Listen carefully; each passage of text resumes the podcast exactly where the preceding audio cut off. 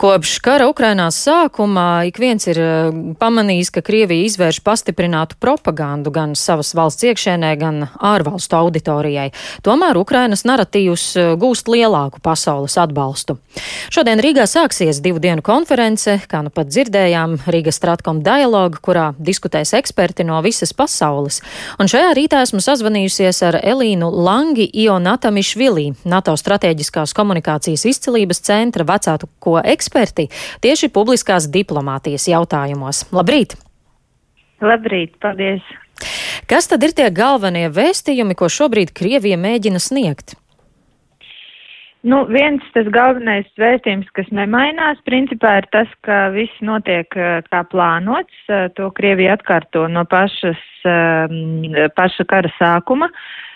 Bet šobrīd tas vēstījums ir mainījies tādā ziņā, ka Krievija sāk gatavot savu mājas auditoriju Krievijā tādam ilgstošam karam. Ja sākumā tātad šī operācija tika pasniegta kaut, kaut kāds tāds īss, efektīvs zibenskarš, tad tagad jau tiek runāts par tādu ilgāku karu, kuram tas tās beigas īsti nav redzamas. Um, un uh, tad vēl uh, tāds vēstījums, kas arvien aktīvāk parādās, ir tieši šī šantāža par to, ka um, rietumu pasauli saskārsies uh, ar pārtiks krīzi, ar energo krīzi, sankciju rezultātā. Un šim vēstījumam mērķis ir, nu, būtībā tāds aicinājums pārskatīt uh, šīs sankcijas un lai uh, pasauli iziet uz kaut kādu kompromisu ar Krieviju. Un pēdējais, varbūt, ko varētu minēt, kas ir tāds aktuālāks, ir tieši šie mēģinājumi diskreditēt gan Ukrainas bēgļus Eiropā, gan arī diskreditēt uh, pašus Ukraiņu karavīrus bruņotos spēkus, uh, nu, piemēram, mēģināt novelt Mariupolas iznīcināšanu uz Ukraiņiem un tādā veidā. Tie būtu tie droši vien galvenie vēstījumi, kas šobrīd aktuāli. Nu, pēdējā laikā arī vairs tik ļoti nevar manīt šantāžu un draudus saistībā ar atomkaru un kodolieroču izmantošanu. Vai tā tiešām ir, vai te ir kas mainījies? Um, principā šī tēma uh, visu laiku ir klātesoša, jo tas ir arī tāds galvenais Krievijas uh, šantāžas ierocis, uh, veids, kā viņi var atturēt rietumus no kaut kādas aktīvākas iesaistes palīdzēšanā Ukrainai.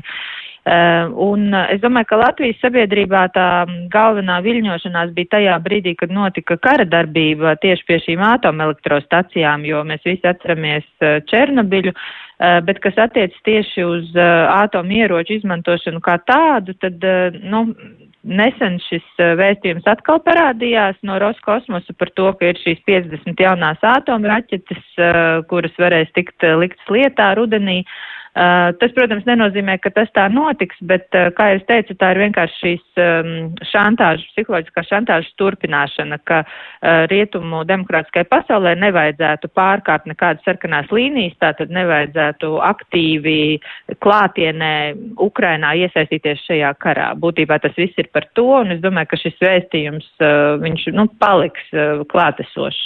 Mm, ja kara darbība sāks izvērsties Krievijai par sliktu, tad atkal šo kārti varētu izvilkt un atkal draudi parādīties.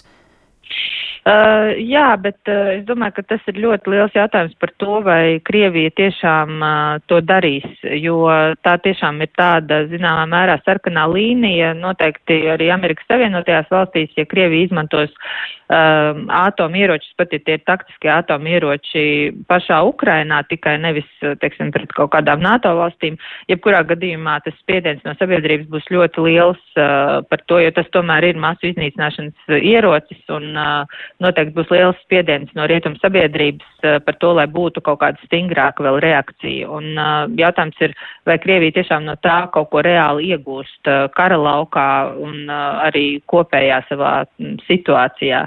Mm. Pēdējā laikā medijos parādās ziņas arī par um, Krievijas prezidenta Vladimira Putina it kā slikto veselības stāvokli. Ko tas varētu nozīmēt? Tā ir kāda patiešām noplūdusi patiesa informācija vai tāda kā apzināta maldināšana? Nu, es domāju, ka to mēs tā arī neuzzināsim, vai tā ir patiesība vai nē, bet man šķiet, ka tas galvenais, kas ir jāsaprot, ka pat ja tā tas ir, tas nemaina to pašu principu. Rietum demokrātiskai sabiedrībai ir jāatrod sevī šie gan finanšu, gan morālie resursi, kā izturēt šajā konfliktā un nepiekāpties. Es domāju, ka nu, šīs baumas pirmkārt ir cirkulējušas jau ilgi arī pirms kara Ukrainā, bet es domāju, ka tas ir vairāk tāds meklējums meklējums eh, kaut kādam skaidrojumam Krievijas eh, neloģiskām darbībām. Eh, teiksim, tas nav izprotams no rietumu viedokļa, kā var šādi vispār jaukt starptautisko kārtību, ignorēt to, un, bet tā ir rietumu izpratne par to, kā Krievijai vajadzētu rīkoties.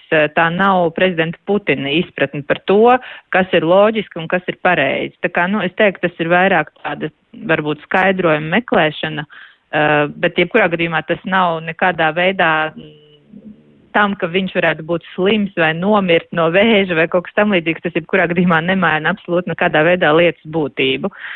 Mm. Šobrīd kā ir uh, pasaulē un Eiropā ar šīm ziņām no Krievijas un Ukrainas un savstarpējās uh, propagandas vēstījumiem, vai nav iestājies jau tāds zināms nogurums un apātija pret šīm ziņām?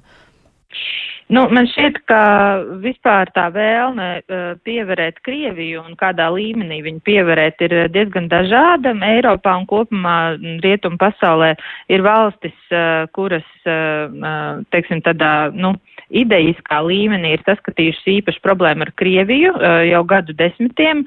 Un tagad, bet ir arī valsts, kuras, nu, tagad dēļ grūtībām, kuras rodas reālas grūtības viņu sabiedrībā, sāk meklēt opcijas, eh, kā iet uz kaut kādu kompromisu un, principā, nu, būtībā uz Ukrainas rēķina sāk parādīties šie vēstījumi, ka Ukrainai vajadzētu tomēr piekāpties. Uh, nu, tās ir tās valsts, kuras nav šo problēmu ar Krieviju saskatījuši tādā ideiskā līmenī. Un man liekas, ka ir liela starpība tomēr starp to, uh, ko Ukraina dara informācijas telpā uh, un ko gadu desmitiem ir darījusi un turpina darīt Krievija. Jā, tad, tad Ukrainas mērķis ir parādīt Krievijas seju un pamodināt Eiropu un pateikt, ka šis ir eksistenciāls karš, ko es domāju arī Baltijas valstīs mēs ļoti labi saprotam vai, vai, vai tā pašā Somijā, bet uh, Krievijas mērķis vienmēr ir bijis maldināt un uh, šantažēt Eiropu, un Krievija vienkārši turpina melot un dezinformēt, un tās ir divas dažādas uh, lietas tomēr. Mm.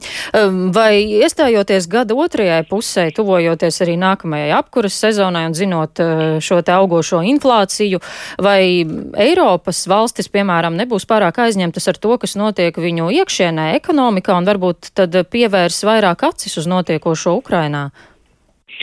Uh, es domāju, ka uh, šo tendenci mēs redzam jau tagad, uh, jo nepavēlti ir parādīsies šī retorika par to, ka Ukrainai ir tomēr kaut kādā veidā jāpiekāpjas, jādod kaut kādas teritorijas un jāpanāk tātad šīs aktīvās kara darbības apturēšana kaut kādā veidā, bet tieši uz Ukrainas rēķina. Uh, bet, nu, skaidrs ir tas, ka tas uh, vismaz šobrīd noteikti nav pieņemams risinājums. Pirmkārt uh, Ukrainas sabiedrībai, uh, Uh, tur es domāju, jebkāda veida kompromiss šobrīd absolūti nebūtu pieņemams, un es domāju, ka arī uh, rietumu pasaulē šis būtu kārtējais tāds moments, ka mm, Krievija tiek sveikā cauri zināmā mērā kārtējo reizi, un, protams, ka šīm valstīm, mūsu valstīm ir vienkārši jādomā par to, kā mobilizēt šos resursus un arī kā runāt ar sabiedrību par to, lai paskaidrotu, kāpēc tas ir svarīgi šo grūto periodu izturēt. Un skaidrs ir arī tas, nu, ka mēs izturēsim, jo par to jau tiek domāts gan Eiropas Savienības līmenī, gan arī sadarbībā ar ASV.